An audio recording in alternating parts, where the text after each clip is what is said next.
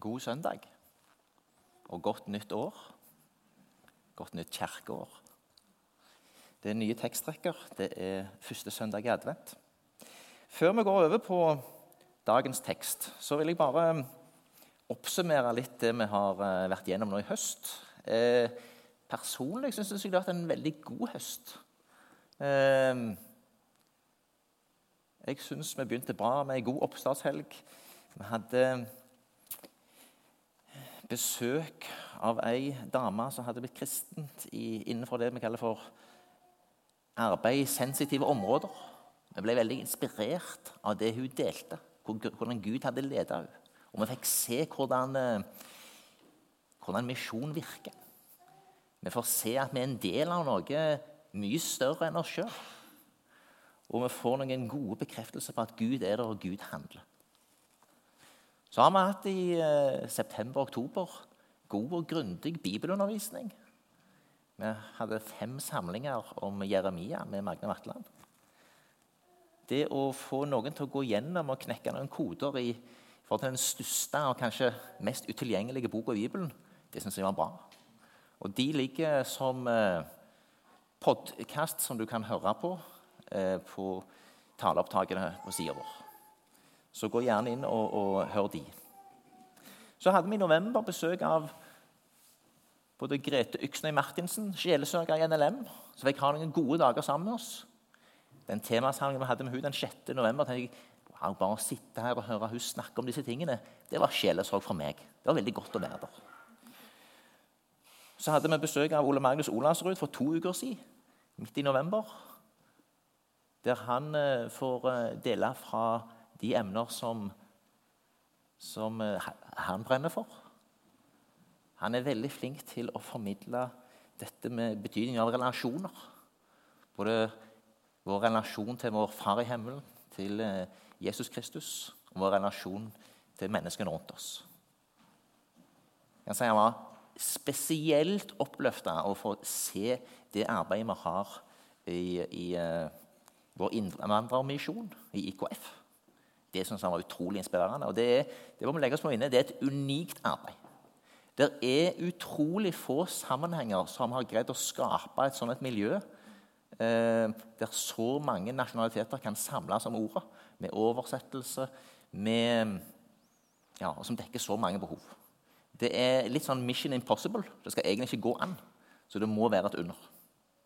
Um, og jeg anbefaler dere gjerne å legge inn ei økt i ny og ne og være med oss søndag klokka fem. Så hadde vi en veldig fin kulminering av høsten synes jeg, sist helg med julemesser. Jeg må bare si tusen takk til eh, dere som drar den, til eh, dere som står i ledelsen der.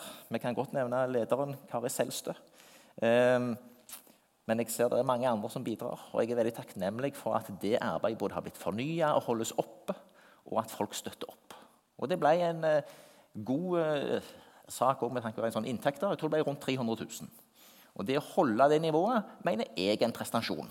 Jeg vet de har ambisjoner og helst vil øke sin nominelle størrelse, men eh, det, er ikke, det, er ikke, det, er er en stor prestasjon å holde på det nivået det mener jeg. Så det er litt det vi legger bak oss i høst. Jeg er veldig takknemlig for høsten. Særlig kjenner jeg for meg så er bønnemøtet på onsdagene blitt en veldig oase og en god kilde for, for Eh, dele bønneemner, dele det som skjer i, i, i, menigheten. Og for meg kjenner meg Jeg tror både Salem og vi som jobber her, er godt beskytta av den, eh, den, gode bønnesamlingen som vi etter hvert har fått. Jeg sier takk til dere også som er med der. Og jeg anbefaler gjerne noen drop-ins for alle nær som har anledning til å komme en onsdag klokka seks.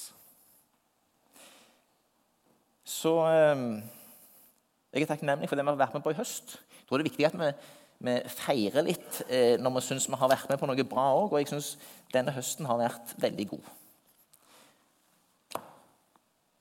Da eh, leser vi sammen søndagens eh, preiketekst. Den står i Matteus evangeliet kapittel 21, versene 1-11.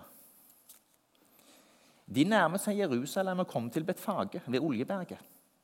Da sendte Jesus to disipler av sted og sa til dem.: Gå inn i landsbyen som ligger foran dere. Der skal dere straks finne et esel som står bundet. og med en fole hos seg. Løs dem og før dem til meg. Og kommer noen med spørsmål, så si at Herren har bruk for dem. Da skal han straks sende dem med dere. Dette skjedde for at det som var talt ved profeten, skulle oppfylles. Si til Sions datter, se din konge kommer til deg, ydmyk ridende på et esel, på trekkdyrets fole. Disiplene gikk av sted og gjorde som Jesus hadde sagt, og hentet eselet og folen. Så la de kappene sine på dem, og han satte seg opp. Mange i folkemengden bredte kappene sine utover veien. Andre skar grener av trærne og strødde på veien. Og mengden som gikk foran, og som fulgte etter, ropte Hosianna, Davids sønn. Velsignet være Han som kommer, i Herrens navn. Hosianna i det høyeste. Da han drog inn i Jerusalem, kom hele byen i bevegelse og spurte, 'Hvem er dette?' Og mengden svarte, 'Det er profeten Jesus fra Nasaret i Galilea'.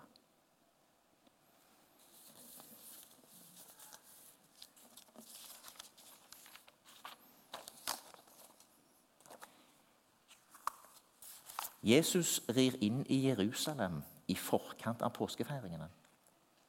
Han rir inn på et esel.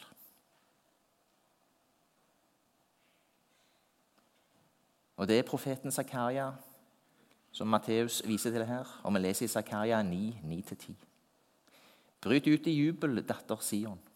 Rop av glede, datter Jerusalem. Se, din konge kommer til deg, rettferdig og rik på seier. Fattig er han og rir på et esel, på en eselfole. Jeg skal gjøre ende på vognene i Efraim og hestene i Jerusalem. Krigsbuen skal brytes i stykker. Han skal forkynne fred for folkeslagene. Hans velde skal nå fra hav til hav, fra storelven til jordens ender. Vi stopper her og bare ber litt. Herre, takk for at du er konge. Herre, takk for at eh, du kommer til oss. Herre, takk for at du kommer til oss nå i denne stunden. Herre, vi ber om at du eh, ved din ånd rydde en vei inn til oss, inn til våre hjerter. Herre, vi legger stunda i din hånd. Amen. Eselet. Hvorfor rir han på et esel? Det sies at uh, i gammel tid så var det sånn at når en konge rir på en hest, da er han i krig. Hvis han rir på et esel, så kommer han med fred. Det var et signal om eh, at Det fortalte liksom hvilke hensikter du hadde. Eh, Vi skal ikke undervurdere det signalet. Det er en god del henvisninger i Gamle testamentet til eh, eselet, eller avarten muldyret i eh, første kongebok 33. Ja, første kongebok eh, ja, kapittel 1, vers 33 og 34. Så leser vi om eh, David, som nå vil salve Salomo til konge. Det har vært en del uro. Vi har hatt broren til, halvbroren til Salomo, Adonja, som vil gjøre et lite kupp og I denne situasjonen så sier David.: Ta med dere kongens menn, la min sønn Salomo ri på mitt eget muldyr, og før ham ned til Gihon-kilden. Der skal presten Sadok og profeten Natan salve ham til konge over Israel. Så gikk de ned les videre fra versene 38-40 i kapittel 1 i første kongebok. Så gikk de ned, presten Sadok, profeten Natan, Benaya, sønn av Jojada og kongens livvakt. De lot Salomo ri på kong Davids muldyr og førte ham ned til Gihon-kilden. Presten Sadok hadde tatt med seg oljehornet fra Herrens telt, og nå salvet han Salomo. De blåste i horn, og hele folkemengden ropte, 'Leve kong Salomo'. Så fulgte hele folket ham opp igjen. De spilte på fløyte og jublet høyt. Det var som om jorden skulle revne av lyden. Dette har vært en heftig samling. Det er etterkommerne til David, den store kongen, som nå har blitt salva. Og han rir på et muldyr. Og det har nok aldri vært en så enormt sterk eh, eh, folkemengde samla når vi leser dette her. Det var som om jorden skulle revne av lyden. Her er det dels politisk. Det gjelder for David nå å virkelig feste Salomo som etterkommeren. Han har sjøl levd i en veldig usikker verden med veldig mye strid med Saul, med Absalom, med andre. Han ser nå at det er viktig med alle disse halvbrødrene å virkelig feste det er Salomo som skal etterfølge meg. Og vi salver han, og vi setter han på muldyret, og han skal ri inn. En mektig manifestasjon av kongemakt. Ellers så er det sånn at I eh, Dommerne I Dommernes bok så leser vi en del der det står om at eh, eselet var gjeve greier. For det er et par dommere der. Når de skal beskrive hvor store de var. Vi leser fra Dommerne ti. om en dommer som heter Jair. Han var dommer i Israel i 22 år. Han hadde 30 sønner. De red på 30 esler og hadde 30 byer, som den dag i dag kalles Jairs teltbyer. De ligger i Gilad-landet. Så leser vi videre om en dommer i kapittel 12 i Dommerne. Etter ham var Abdon dommer i Israel. Han hadde 40 sønner og 30 sønnesønner. De red på 70 eselhingster. Han styrte Israel i åtte år. De store ledernes sønner rei på esler. Og så var det et uttrykk for uh, makt og uh, høy byrd.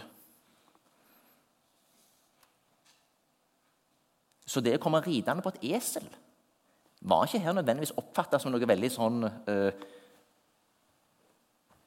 nedpå eh, i forhold til byrd. Men det var likevel en ydmyk handling i forhold til at du kom med fred, som vi har hørt om. Så har vi en interessant passasje vi har med oss. Vi nevner Zakaria her, og, og, og, at det er profeten Zakaria som har profetert. Vi må ha med oss følgende. I første Mosebok, kapittel 49, så er det Jakob som velsigner sine tolv sønner etter han har kommet til Egypt. Og så kommer vi til Juda versene 8-12. En løveunge er Juda. Fra rov er du kommet hjem, min sønn. Han legger seg til ro og strekker seg som løven, som løvinnen. Hvem våger å vekke ham? Kongespir skal han ikke vike fra Juda, eller herskerstav fra hans føtter. Til den rette kongen kommer, han som folkene skal lyde. Han binder sitt esel i vintreet, sin fole ved den edle ranke. Han vasker sin kledning i vin, sin kjortel i drueblod. Hans øyne er mørkere enn vin, hans tenner er hvitere enn melk. Dette har patriarken Jakob, eller Israel, sagt 1700 år før Jesus rir inn i Jerusalem. En profeti som også går opp oppfyllelse, og som er enda eldre enn Zakaria. Vi kan ta med oss dette med løven, som er et bipoeng her, men som eh, som eh, er kjent fra flere sammenhenger. Jeg leser et par tekster rundt det. Fjerde Mosebok. Det er Biliam sitt kvad. Kapittel 23, vers 24.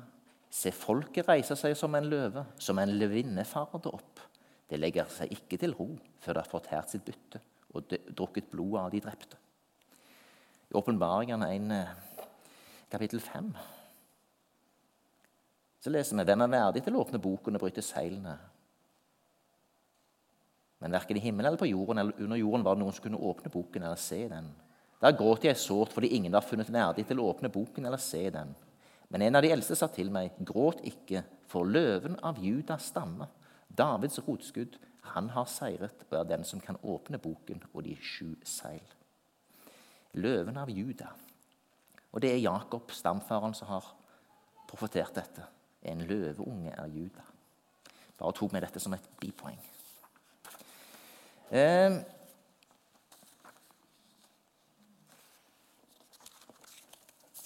så vi oppsummerer. Eselet står i en rik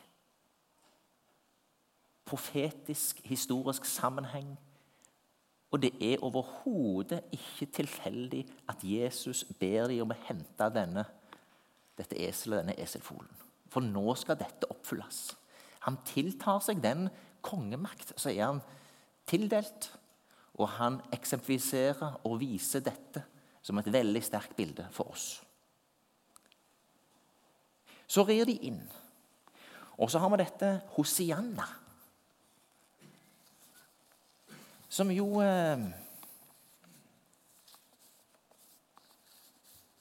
Vi kjenner så godt igjen fra denne palmesøndagsteksten. Hosianna, Davids sønn, velsignet være Han som kommer i Herrens navn. Hosianna i det høyeste. Hvor finner vi dette Hosianna ellers? Ja, vi finner det i eh, Salme 118, vers 25. For Hosianna i utgangspunktet et, eh, et utrop om frels, hjelp. Og Vi leser i eh, Salme 118, vers 25 eh, og 26. Å Herre, gi frelse. Å Herre, la det lykkes. Velsignet være den som kommer i Herrens navn. Vi velsigner dere fra Herrens hus. De roper altså Hosianna, Herre, frels. Frels Davids sønn. Velsignet være Han som kommer i Herrens navn. Hosianna i det høyeste. Det er frelsen som kommer. De roper om frelse til kongen som rir inn i Jerusalem.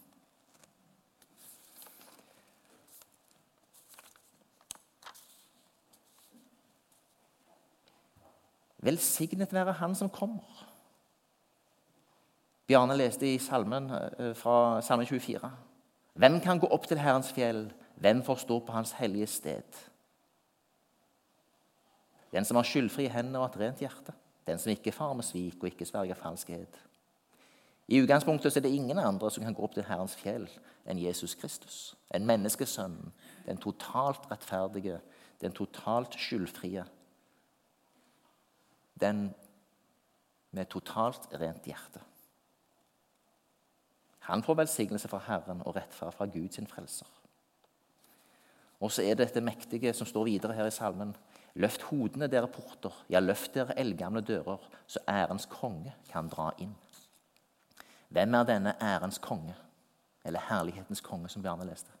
Det er Herren den veldige helt, Herren den sterke i strid. Løft hodene, dere porter, ja, løft dere eldgamle dører, så ærens konge kan dra inn. Hvem er denne ærens konge? Det er Herren allherrs Gud. Han er ærens konge. En stor konge Ydmyk kommer han ridende i fredshensikt. Han kommer for å oppfylle Skriftene. Han kommer for å sette alle ting i rette stand. Han kommer for å frelse Hosianna. Han kommer med fred.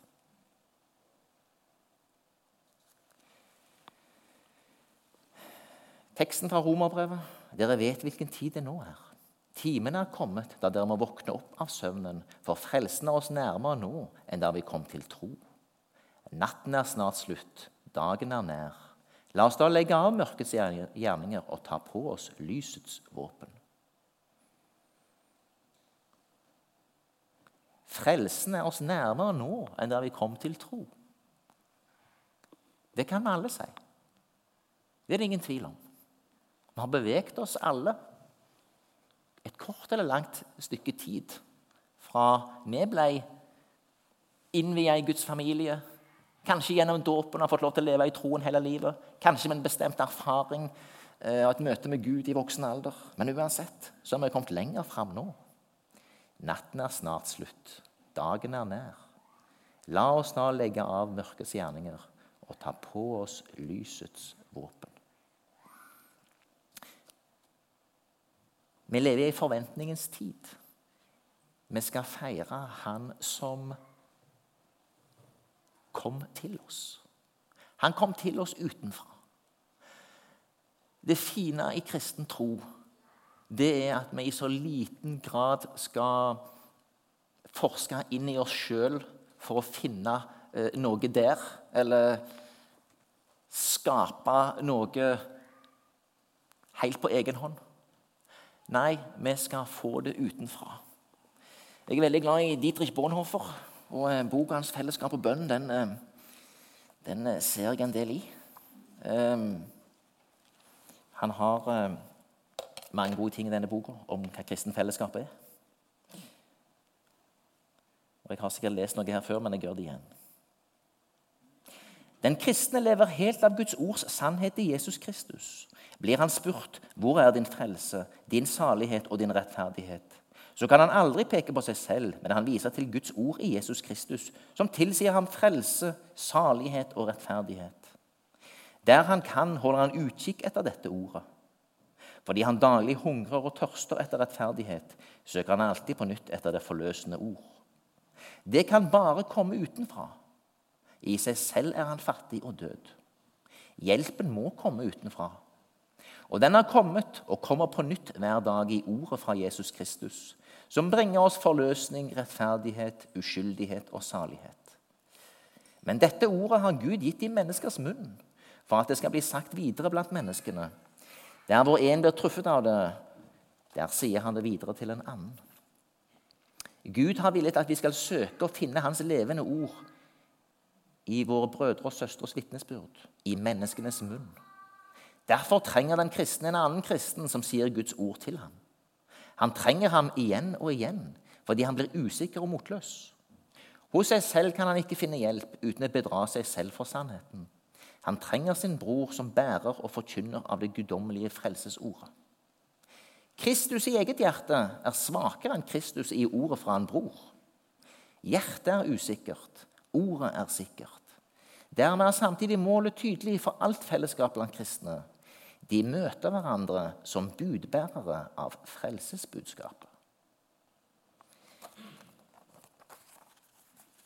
Det må komme til oss utenfra. Vi må få det. Det er derfor vi kommer her. Fordi vi trenger å få det utenfra. For vi trenger å bli fulgt opp. Vi trenger å høre herlig sang som eh, gjør at eh, ordet smyger inn til oss. Dypest sett så søker vi nådeordet. Vi søker fellesskapet for at noen skal kunne si dette nådeord til oss. Eller at vi skal få lov til å bekjenne det sammen med andre, som vi nettopp gjorde med trosbekjennelsen. Synge sammen med andre. Lovsynge. Men det er noe som kommer til oss utenfra. Det er Den hellige ånd som virker og som kommer. Og dette er òg turen inn i Jerusalem et uttrykk for. For det er han som kommer utenfra, og som kommer til oss. Det er han som kommer utenfra vår tid og romdimensjon, som kommer til oss i adventstida, i jula. Han kommer til oss fra himmelen, fra en åndelig virkelighet som vi ennå ikke kjenner fullt ut. Vi har fått erfare han, men vi kjenner ikke han fullt ut. Men nå kommer han til oss fysisk, synlig, som et enormt sterkt uttrykk for Guds kjærlighet. Gud endrer seg. Gud blir menneske for å kunne møte oss, slik at vi kan bli endra, slik at vi kan bli forvandla. Gud har gjort seg sjøl til menneske for å trekke oss til Gud. Gud kommer til oss utenfra. Og dette er det sterke i hele den kristne tro. At vi får det. At det tilføres. At det ikke bare er et sett av trossetninger som vi skal være enige i. At det er rette meninger. Nei, det er tilført utenfra. Ved Jesusbarnet. Ved Den hellige ånd. Er det som Jesus Kristus gjør etter han har reist, ridd inn i Jerusalem. Ved hans død og oppstandelse. Dette er det vi tror på. Dette livet er det vi får leve. Ikke et ensomt liv eh, der vi skal få til alt sjøl. Nei. I fellesskap og relasjon med Fader, Sønn og Ånd. I fellesskap og relasjon med andre kristne søsken og med hele den verdensvide kirke. Eh, vi kan av og til bli litt motløse. Vi syns jo det går litt nedover. Kristendommen har vært i Norge i 1000 år. Tror man kan si vi hadde en veldig, Fra Hans Nilsen Hauge og la oss si fram til skal vi si fram til 1950 så var det en veldig, eh, det var en veldig boost i en periode der. Så lever vi i den tida som er litt etterpå. Vi har sett en del ting gå litt tilbake. Det kan uh, gjøre oss litt motløse. Men jeg tenker særlig på det besøket som vi hadde i august fra ei som har blitt kristent i det sensitive arbeidet som NLM bedriver. Vi som eh, får lov til å være en del av en misjonsbevegelse, har all grunn til å løfte blikket og se at Gud holder på med noe stort. Nå snakket jeg nettopp med Erling og Kirsten Lundeby, som jo har vært i Pokot i Kenya fra 78 og framover. Og når de kommer, så er det veldig få kristne. Så sa gjengen. Og nå er det iallfall 15 000 kristne i det området. Og det er mange som går til kirka. Og samfunnet er i ferd med å endres. Ehm, det er en enorm prosentvis endring. Det har vært med på i Kina. Det var ikke så mange kristne der rundt 1900. Det er mange kristne der nå. Ja, de lever under krevende kår. Det som misjonen har fått vært med på i mange områder, i Etiopia, i Kenya, Tanzania Guds rike går framover. Vi kan oppleve det tyngre hos oss, men Guds rike går framover. Kanskje vi bare blir enda flinkere til å hente inspirasjon og få opp eh, evangelister og eh, herlige, inspirerte formidlere fra misjonsland og tidligere misjonsland. Jeg tror vi trenger det. Jeg tror vi trenger å se at Guds rike går framover. Ronald Fangen sitter på Grini i 1942, og så skriver han denne sangen. Guds menighet er jordens største under, mens verdens skikkelse i hast forgår. Er Kristus i all evighet den samme, og fast hans rike på sin klippe står. Mens verdens riker stiger og de synker, går Kirken mot fullkommenhetens vår. Det er det vi får være med på. Vi får være med på den reisen som begynner med Jesus som kommer til oss. Som kommer til vår jord som kommer til Jerusalem, og som rir inn der som ærens konge. Den som skal frelse, den som kommer med fred, den som skal gjenopprette. Han er det vi får tro på. Til slutt må ta med én passasje til om eselet. For den første plassen i Bibelen der eselet er nevnt. Det er i første Mosebok, kapittel 22. Og det er Gud som setter Abraham på prøve. Han ber Abraham ta med seg sin eneste sønn, som du er så glad i, og dra til Moria-landet. Og Der skal du ofre han som brennoffer på et av fjellene som jeg vil vise deg. Morgenen etter sto Abraham tidlig opp, lesset på eselet sitt og tok med seg to av tjenesteguttene sine og sønnen Isak. Vi må regne med at sønnen Isak har sittet på dette eselet på vei opp til Moria-landet. Opp til det som i dag er Jerusalem.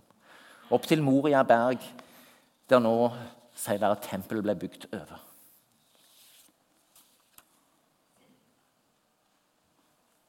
Hvis vi har det bildet med oss, så ser man enda klarere hva Jesus her gjør. Fordi Abraham sier til um, sin sønn når han spør hvor er offerlammet, så sier da Abraham til han, Gud vil nok selv se seg ut et offerlam, gutten min. Når Jesus rer inn i Jerusalem, så er det offerlammet vi ser. Offerlammet som skal inn og oppfylle avtalen mellom Gud og Abraham. Oppfylle løftet Gud hadde gitt Abraham. I deg skal alle slekter på jorden velsignes. Det er et annet esel, og det er en annen sin sønn som nå reiser opp til Moriafjellet i Jerusalem. Det er Guds sønn, Messias den salvede, som kommer med fred, trøst, gjenopprettelse, forløsning, utfrielse for alle folkeslag. Amen.